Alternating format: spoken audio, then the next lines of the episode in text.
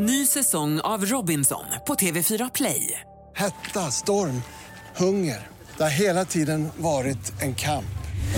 Nu är det blod och tårar. Fan händer just nu. Det. är Detta är inte okej. Robinson 2024, nu fucking kör vi! Streama söndag på TV4 Play.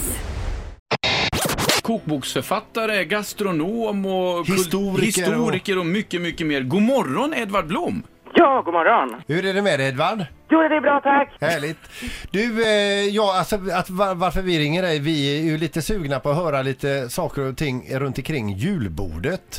Just det. Och jag, jag, sitter, jag är ganska hungrig just nu när jag pratar med dig. Men du, vad, vad tycker du inte får saknas på julbordet? Vad är det viktigaste? Ja, jag, jag, jag håller ju på mycket med, med julmatens historia och då blir det allra viktigaste, man kan ju tänka på olika sätt, men för mig blir det viktigaste det som är äldst i första hand och det andra är det som är godast. Och, och det som är äldst, det som är allra mest liksom traditionellt, det, det började ju med öl. Vikingarna när de drack jul, då var det ju bara egentligen julöl, starkt julöl som man drack rituellt skålade för fallna förfäder och hjältar och, och gudar och sånt. Och för att få god skörd. Och, så att det var en sorts, på den tiden fanns det ju väldigt lite, man hade väldigt lite tillgång till, till eh, alkoholhaltiga drycker för både, man hade lite säd och man hade väldigt lite honung. Så att det var liksom någonting väldigt högtidligt när, när man fick öl. Eh, Så, så julölet känns väldigt viktigt. Det andra som har blivit väldigt så här, det, det är de andra basala produkterna. Det är brödet och smöret. Man hade ju stora smörhögar historiskt, som, som man, man, så mycket smör man kunde avvara. Oftast hade man inte råd att äta smör resten av året utan sålde det. Men till jul så hade man en hög med smör som stod där. Dels kunde man äta av det, oftast den ena högen, och dels kunde det dra till sig av julens magi och man kunde använda det som botemedel och, och, och magiskt medel resten av året var tanken. Så det här med öl, bröd och smör, det är ju liksom själva julbordets start. Sen, sen vill man naturligtvis ha den där stora myckenheten vi har vant oss med de senaste århundradena också. Då är jag själv väldigt förtjust i de kalla fiskarna av olika slag. Det är alltid när jag går på restaurangbord och sådär, så julbord, så, så lägger jag nog 60% nästan på de kalla fiskarna. Så sillen är viktigare än själva skinkan då tycker du? Ja, skinkan har ju ett symbolvärde som gör att äh, skinkan är inte så gammal på julbordet. Den, den kommer in någon gång där på 1800-talet först när, när borgerligheten börjar Innan åt de ju så här lyxmat som hummer och sånt på, på julbordet och stekar. Kunde vara en skinkstek, men liksom skinkan som en del av just ett, ett jul, allmogejulbord. Allmogen hade inte råd med skinkan, de sparade skinkan för det gick att lagra längre. Så till jul hade de andra delar av grisen. Men gris är ju väldigt gammal, klassiskt på julbordet. Och från 1800-talet så, så när man lite grann den här övre ståndens och allmogens mat växer ihop, då kommer skinkan. Så naturligtvis vill jag ha en stor skinka som tronar i mitten på bordet. Men som sagt, de kalla fiskarna tycker jag ändå är, är något helt fantastiskt. Och det, det är ju, jag tycker väldigt mycket om ål, nu är den eh, på avtagande tyvärr, så man kan inte äta så mycket ål längre. det är ju för egentligen min äckligt favorit. alltså, Edvard. Ål är ju inget vidare.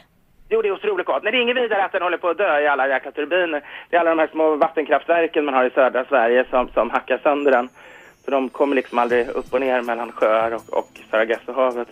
Du Edvard, om vi går ifrån maten lite, hur långt har du själv kommit i julpyntandet till exempel? Är granen uppe? Nej, nej, alltså gran får man absolut inte ställa upp för den, där, den 23 på kvällen. Folk slarvar ju otroligt med traditionerna idag. De kan tycka, ja men det är så mysigt redan nu. Men då tröttnar de ju, för granen ska ju sen vara uppe till 20 Knut när man ska ha, ha julgransplundring. Mm, men jag tänker Edvard, du har ju blivit pappa nyligen. Ja. Det, när det här, var det en pojke eller en flicka? En pojke. Ja, en pojke. När han kanske då blir så här 3, 4, 5 år och börjar tjata om att granen ska upp i början på december. Du kommer aldrig ge med det där då? Nej, för hans egen skull. För att glädjen i de här traditionerna, hela vitsen, varför ställer vi in en gran? Liksom, det är ju egentligen helt knäppt. Och alla de här traditionerna, det är mycket väldigt konstiga saker man gör. Och det som gör det roligt, det som gör att det blir en sån glädje, det är ju att man har laddat det där.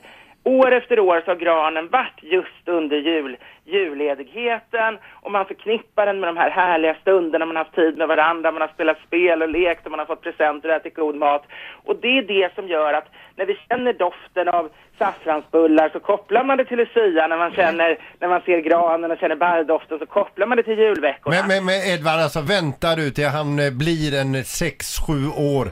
Då kommer du att råka ut för någon som är mycket starkare än dig själv rent viljemässigt. Ja, men där borde hela folket gå samman. Ja, ja. Ja, det är bra Edvard. Tack Edvard att vi fick snacka med dig Ja, idag. tack, det var väldigt trevligt. Ja, Ha det bra då. Trevlig advent allihopa. Ja, god jul! också. Ja, hej. när den kommer. Hej då! Ja, Hej, hej! Hej. Ett poddtips från Podplay. I podden Något Kaiko garanterar östgötarna Brutti och jag, Davva, dig en stor dos skratt. Där följer jag pladask för köttätandet igen. Man är lite som en jävla vampyr. Man har fått lite blodsmak och då måste man ha mer. Udda spaningar, fängslande anekdoter och en och annan arg rant. Jag måste ha mitt kaffe på morgonen för annars är jag ingen trevlig människa. Då är du ingen trevlig människa, punkt. Något kajko, hör du på Podplay. Därför är gardinerna.